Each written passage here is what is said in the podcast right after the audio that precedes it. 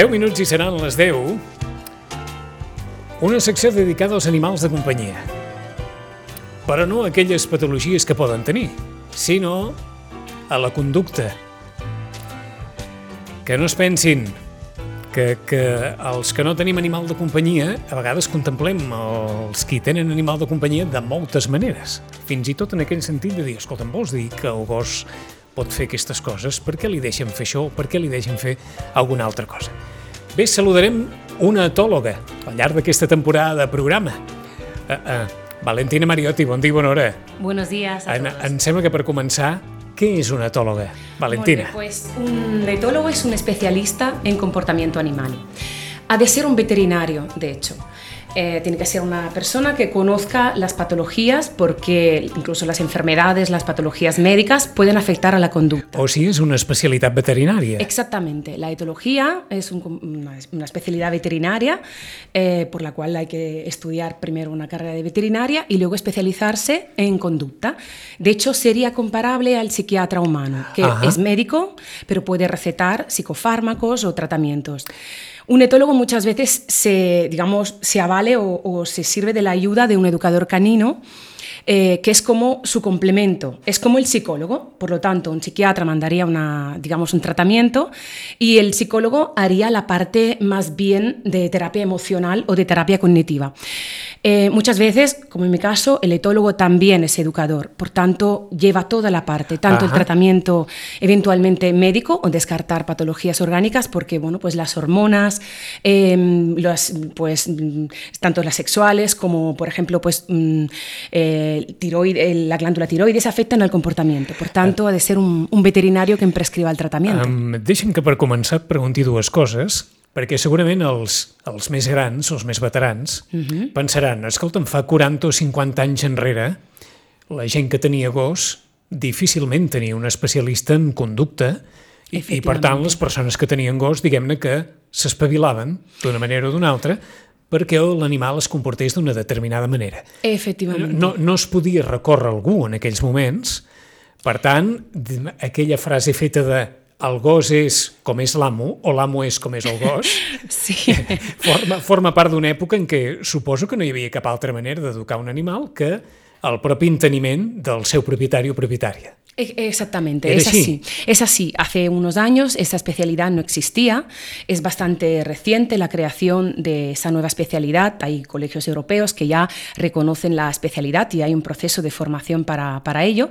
Y hace unos años tampoco habían, evidentemente, mm, tantas cosas relacionadas con la sensibilidad, la tenencia. Por tanto, tenemos o teníamos un, un perro pues mm, por casa o en una finca sin preocuparnos mucho de lo que son la- las necesidades básicas de este animal cosa que ahora por ejemplo con las nuevas legislaciones pues se tienen en cuenta las necesidades básicas de un animal que no son solo las necesarias para sobrevivir la de ser alimentado, mantenido en buenas condiciones, sino se tienen en, con- en- en cuenta sobre todo las necesidades emocionales, las que el, el animal, como por ejemplo social, como el perro, Sí? Eh, tiene que poder eh, realizar para su bienestar.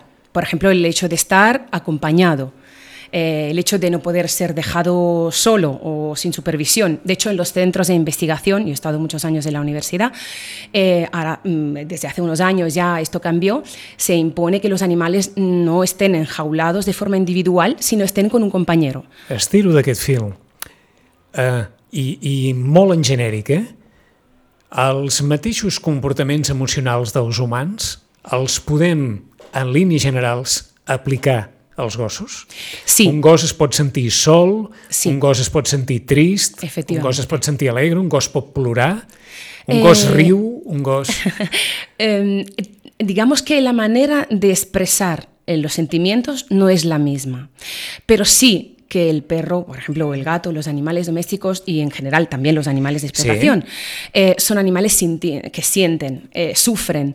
Eh, lo que pasa es que la manera que tienen de expresar ese dolor o sufrimiento no es la misma que tenemos los seres humanos. De hecho, los animales tienen una capacidad de tolerancia al dolor superior a la humana.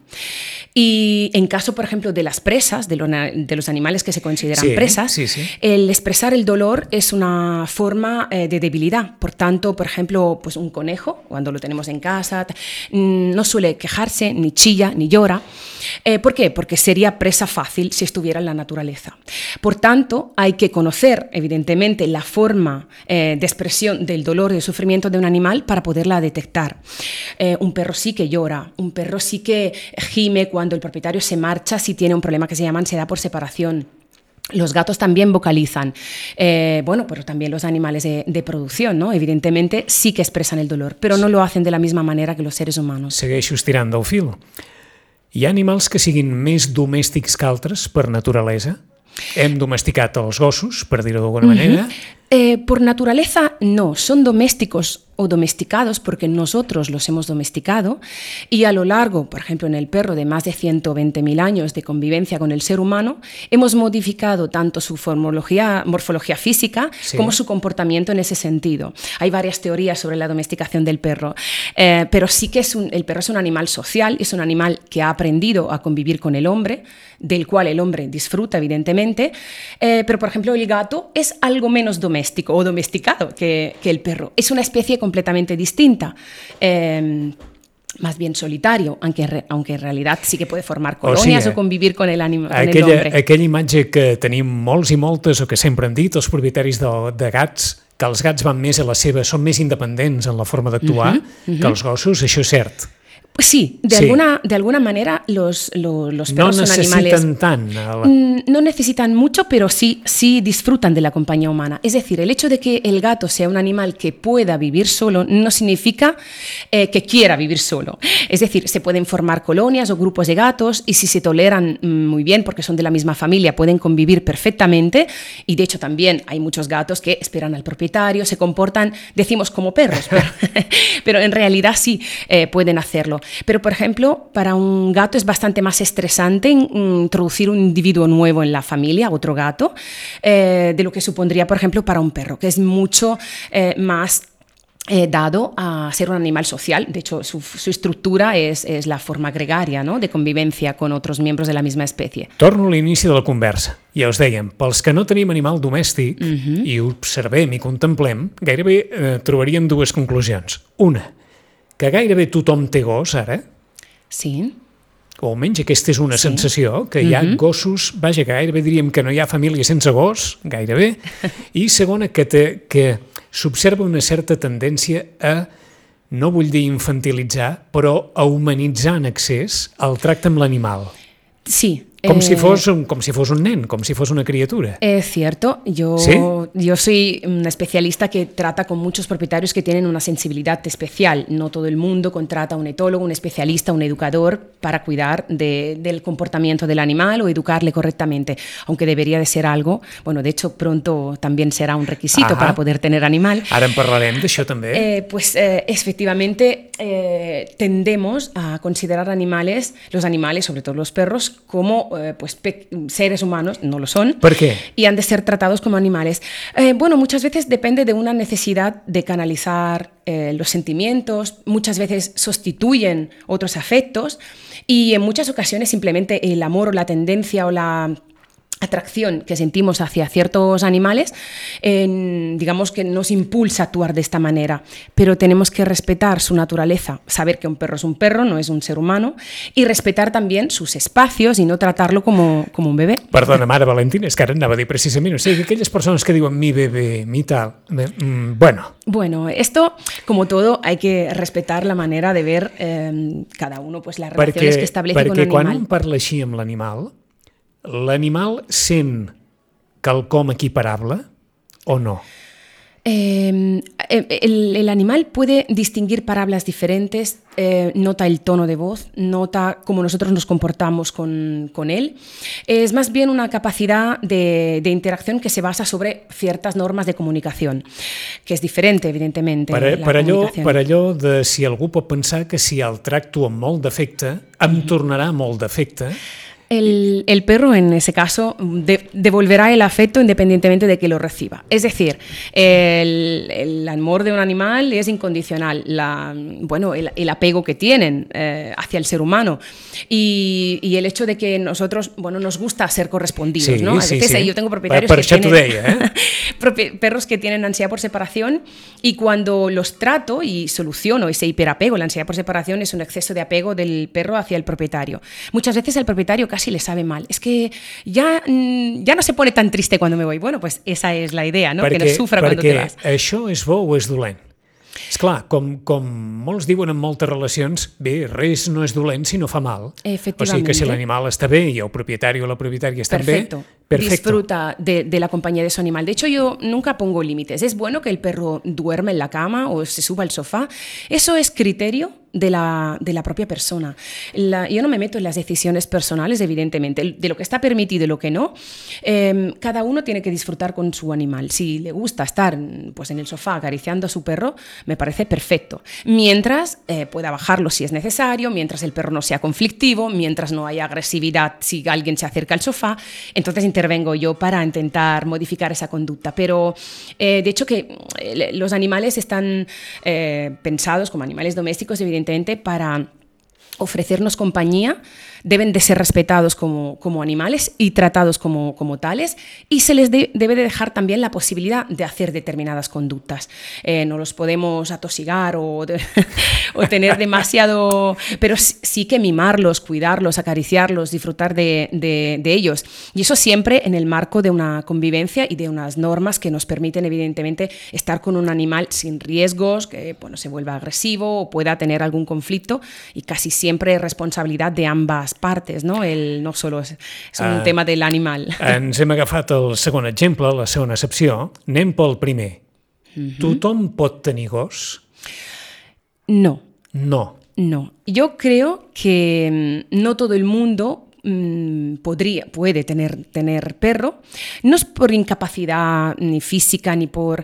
Eh, que consti que està parlant la Valentina des del punt de vista professional, eh? Sí. Eh, evidentment, tothom, si vol, pot tenir un gos a casa Evidentemente. seva. Això no cal eh, dir-ho. Y tiene que haber libertad para poder decidir si uno quiere eh, tener un animal que le sea permitido, pero si se me pregunta desde el punto de vista profesional, yo eh, a veces me encuentro con familias o perfiles que no están capacitados para tener cierta clase de perros. Por ejemplo. No estoy hablando de, necesariamente de perros potencialmente peligrosos, simplemente mmm, que es una mmm, legislación aparte. Sí. Estoy hablando simplemente de, de perros que a veces se eligen por sus características físicas, por la belleza o por la raza, sin tener en cuenta lo que esa raza conlleva o lo que ese animal necesita.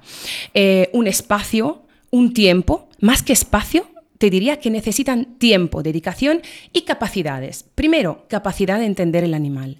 Por tanto, asesorarse es importante. Segundo, tiempo para dedicarle para cubrir aquellas necesidades que hemos dicho, emocionales, de ejercicio, de estimulación, etc. Tercero, recursos econòmics per fer frente a los gastos que un animal pueda, pueda ocasionar. Ho, que no ho, són està, pocos, ho eh? està dient en rapidesa la Valentina, eh? però cadascun d'aquests punts sí. gairebé mereixerien un cert examen a la família abans de plantejar-se anar a buscar un gos. Jo... Si hi ha capacitat econòmica per mantenir l'animal, i capacitat econòmica, Valentina, suposo que vol dir no només des del menjar, No. sinó la neteja, les vacunes... Efectivamente, los cuidados veterinarios Veterinarios. siempre, siempre pueden pasar cosas, accidentes, hay que tener un seguro, es recomendable tener un seguro incluso de responsabilidad civil por cualquier cosa que pueda suceder o el perro ocasionar algún desperfecto o algún problema o escaparse, ocasionar un accidente, son cosas a las que no pensamos en un principio, pero yo veo muchas de ellas porque se me, muchas veces se me llama para intervenir, hacer un peritaje o... Faig una pregunta des de la més absoluta ignorància. Quan es parla de temps per dedicar a l'animal, Sí. és, és evident que, que no es pot quantificar, però segur que Valentina més d'un li deu haver preguntat "Escolta, quan diu temps, què, què vol dir això? Una hora al dia, dues hores al dia? Bien. Què? Pues eh, hay unos tiempos distintos para según qué actividades. Por ejemplo, el hecho de salir a la calle con el perro. No es necesario estar dos horas y media fuera con el perro haciendo ejercicio. Más vale estar un tiempo de calidad, hacer unas salidas. Yo normalmente recomiendo por lo menos dos, tres salidas de unos 25-30 minutos. Eso serían suficientes para realizar cierto tipo de actividad. Que quedi clar, eh? dues o tres sortides de mitja hora Sí. cada dia. Sí, sí. Això vol dir que hi ha d'haver algú disposat a que tres Una vegades al dia, com a mínim, Sí, es pugui sortir amb l'animal. Exacto, entre una hora y una hora y media. Y, y aquí no estoy hablando de ejercicio físico explosivo, tirarle necesariamente la pelota, encara o que que corra. passejar. Pasear, eh, olfatear, entrar en contacto con otros perros o personas, si es Sí, el caso. sí, sí, sí. Hacer determinadas eh, actividades de calidad que permitan al perro recibir lo que nosotros llamamos en términos más técnicos un enriquecimiento social, ambiental, lúdico, incluso trófico, es decir, con comida, hacer que busque cosas, que se entretenga. Esto en casa, por ejemplo. Y también una mm, de las necesidades más importantes en el perro, que es un animal gregario, es la compañía.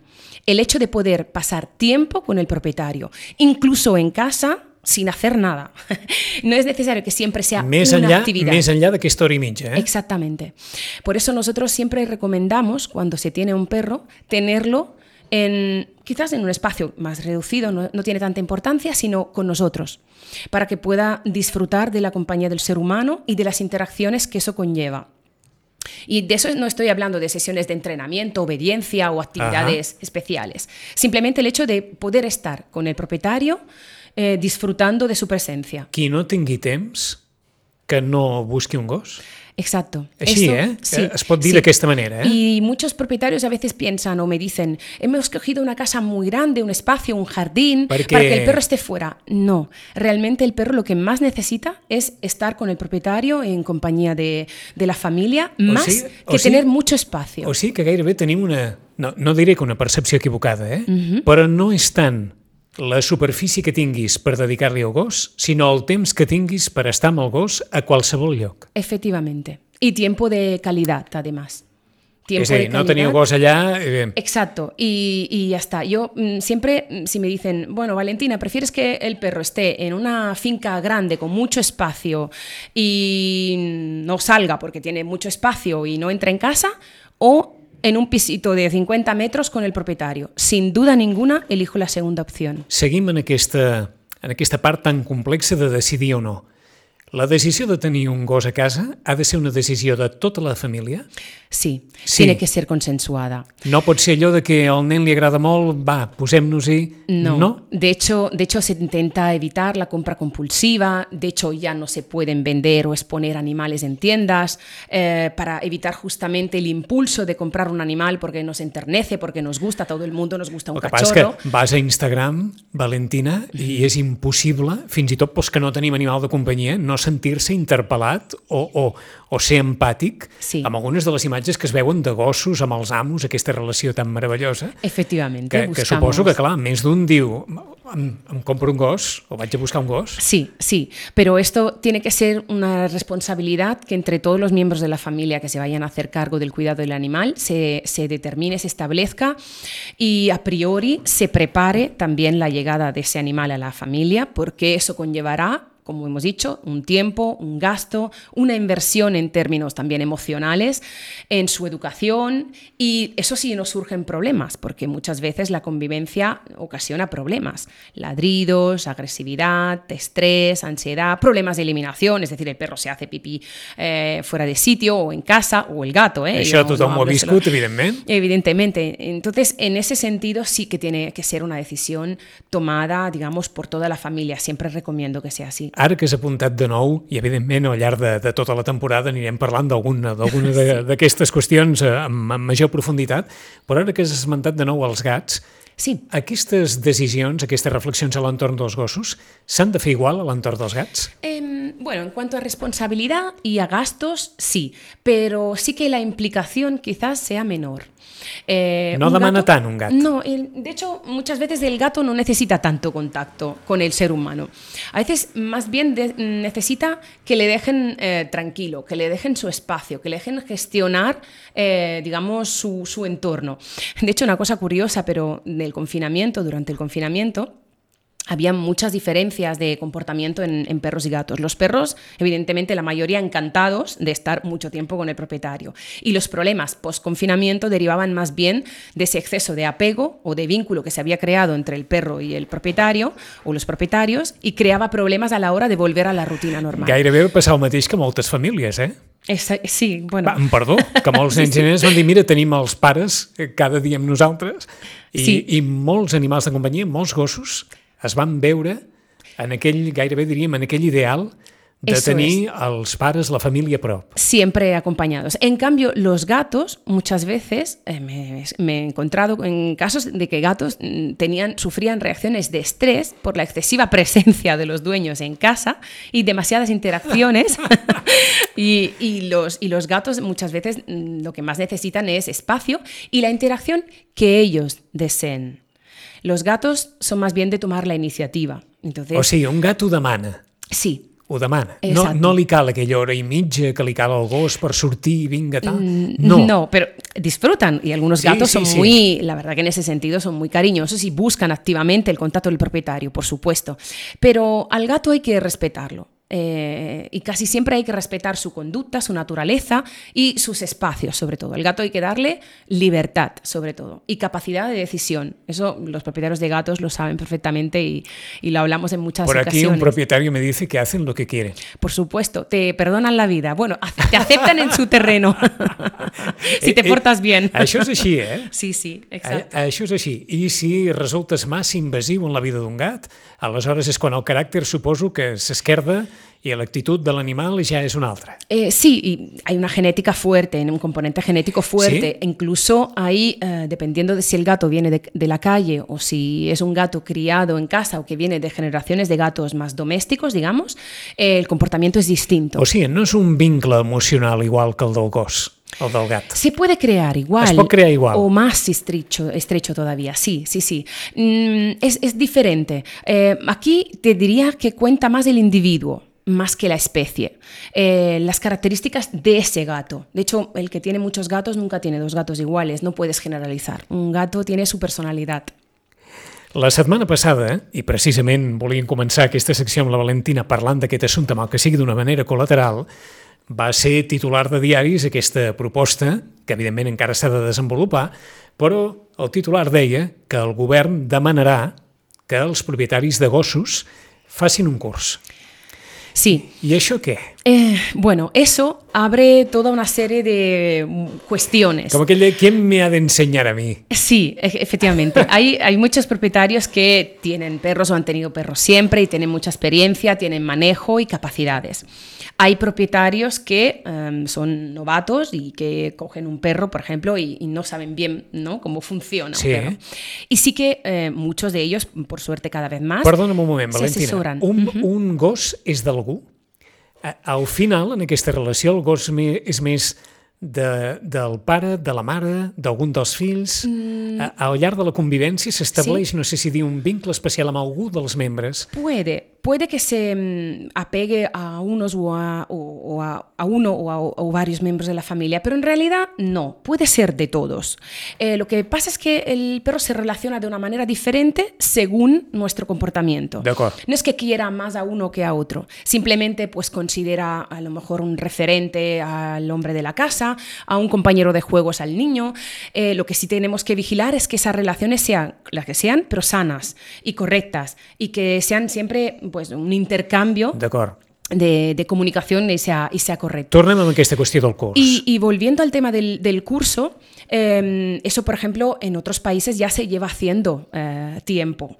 Eh, tienes que acreditar unos conocimientos básicos, igual que pues, cuando empiezas a conducir un coche. Eh, ¿Por qué? Porque pues, se considera que un animal eh, como un perro, pues tiene capacidades, fuerza y tiene que saber mmm, bueno, gestionarse las situaciones en las que se puede, te puedes encontrar paseando al perro, sabiendo cuáles son las normas cívicas, de convivencia, tienes que saber qué consecuencias puede tener el hecho de que un perro, por ejemplo, no se adapte al entorno y ladre o moleste a los vecinos, si es agresivo o reactivo, cómo poderlo llevar, cuáles son sus necesidades. Digamos que esa propuesta intenta hacer que la adopción sea más consciente. O sigui, té una lògica aquesta proposta. Sí, Sí, entonces eh, aquí eh, se puede cuestionar si es viable bueno, mm, lo será porque Sí, se sí, pide. ¿Quién, la, ¿Quién impartirá además esos cursos y quién decidirá finalmente? ¿Quién, ¿Quién será el órgano que dirá, pues sí tú puedes y tú no puedes? Porque claro, nosotros tenemos niños, críos y nadie nos dice tú puedes y tú no puedes, ¿no? Es muy violento de alguna manera que alguien te imponga eh, si puedes o no puedes, estás apto o no apto. Cosa que, por ejemplo, en los casos de los perros potencialmente peligrosos sí tienes que pasar un examen psicotécnico discutible mm, lo que tú quieras, pero tienes que pasar un, un, examen, tienes que tener determinados requisitos, fuera de los cuales no puedes tener, no se te da el carnet para poder llevar esos perros. Que también eh, se eliminará este tema, ¿eh? Sí? También se eliminará el tema de que una raza en sí sea peligrosa. És que és el que anava a preguntar. I- Perquè es pot dir així en veu alta que hi ha gossos potencialment perillosos? No.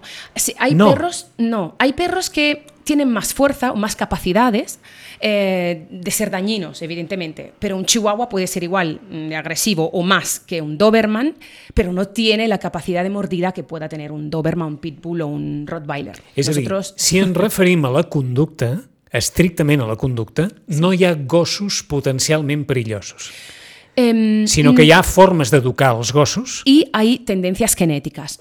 Y hay predisposición también de algunas razas porque nosotros de alguna manera hemos creado razas con determinadas características tanto físicas como comportamentales para que sean más ese adjetivo, ¿no? Ese atributo fiero. ¿Fiero qué quiere decir? Eh, pues agresivo, eh, reactivo, eh, mm, esto es fiero quiere decir que puede hacer daño, que puede sí que hi ha races Sí que hay razas que tendencialmente desarrollan más conductas reactivas, si lo podemos llamar así, porque han sido de alguna manera, eh, no te digo manipuladas, pero seleccionadas en ese sentido, para que sean también más valientes o no se echen para atrás y... però no fins al punt de poder-les considerar potencialment perilloses? No, no. ah, no. Etiquetar-les parecer- d'aquesta manera, no. No, eh, a mi parecer, bueno, ya en su día cuando salió esta, esta ley, pues eh, hubo, hubieron muchas críticas porque tampoco se consultaron a especialistas en conducta, no, no se nos consultó a los que nos Però dedicábamos a esto. segurament, segurament ara faig un retrat molt tòpic, molt tòpic, segurament la Valentina ha vist en més d'una ocasió a un gos considerat potencialment perillós, diguem-ne, eh, portat per un amo que es vanta d'alguna manera d'haver escollit aquella raça de gos i que va pel món eh, Sí. d'alguna forma, no sé si dir amb una, amb una certa... Presumiendo, no? Sí, sí, ho, ho O- puc dir d'aquesta manera. O sí. Sí, com Em, el gos gairebé com a perllongació del que jo sóc a la vida i del que vull que l'animal representi de, de mi. Sí, evidentemente, pues ostentamos, ¿eh? igual que uno ostenta un coche, un Ah, reloj, eh, pues em una raza. a. Sí, se pueden utilizar para ostentar una situación, una condición o un cierto tipo de...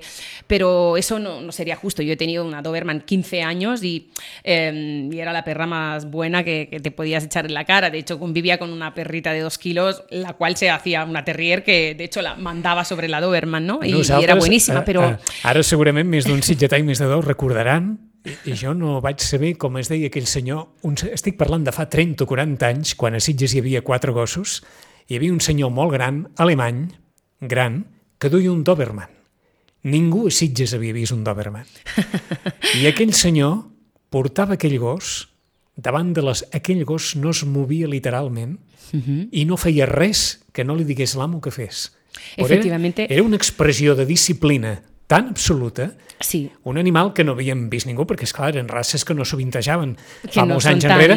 difuses, i, i, sí, sí. I veritablement impactava veure com aquell animal era capaç d'atendre a qualsevol ordre i a qualsevol acció de l'amo. Sí, eh, de hecho la educación, la obediencia, el entrenamiento y siempre desde el punto de vista del respeto del animal son fundamentales también para, para eh, civismo, para convivencia y, y de hecho en ese sentido va un poco el, el tema del, del curso. Lo que es, es opinable aquí es, bueno, la validez, Ajá. si al final, si será muy fácil, al final entonces todo el mundo podrá tenerlo. Está claro. Si es eh, restrictivo, pues ¿quién decidirá?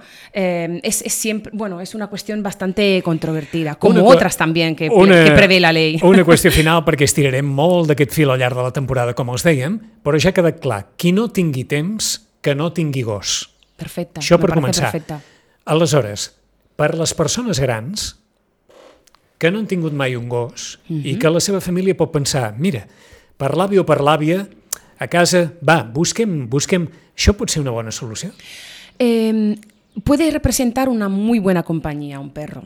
Eh, de hecho, nosotros, una parte de nuestra empresa, eh, mis socios sobre todo, se dedica a la interacción con animales, a las terapias y las intervenciones con animales y utilizamos, o digamos, nos acompañan los perros en estas sesiones en las cuales las personas mayores se eh, benefician ¿no? de los efectos de tener un perro como una compañía. O sigui que pot ser un veritable incentiu, pot ser un... Puede ser una muy buena idea para que, por ejemplo, pues la, la persona tenga la motivación para salir, para socializar, dar una rutina, ocuparse de un animal. Tenemos que encontrar el equilibrio entre las capacidades de la persona y el tipo de perro. No podemos regalarle a un señor de una cierta edad y con movilidad limitada o reducida, pues un perro de 30 kilos que tira y es un, y es un cachorrón alocado, ¿no? Evidentemente hay que tener en cuenta pues, la, la raza, el so, tamaño... Sobretot perquè són dues línies de vida. Les persones grans, és evident que la bellesa va a més, sí. I en el cas de, de regalar un cadell d'una determinada raça, evidentment el cadell es farà gran i claro. tindrà unes capacitats que cada vegada aniran perdent més els seus propietaris. Evidentemente, pero el efecto beneficioso de los perros sobre la salud o de un animal de compañía están comprobados desde hace muchos años y hay estudios que demuestran que acariciar una, un animal, por ejemplo, provoca la liberación de endorfinas y de oxitocina, que son sustancias que producen una gratificación y un placer. De esto viene un poco pues, el contacto con los animales que tanto nos gusta. 10 i 21 minuts, acabem de començar, queda tota la temporada per endavant. Valentina Mariotti, gràcies. Pues gracias a vosotros. Fins la propera, adéu-siau.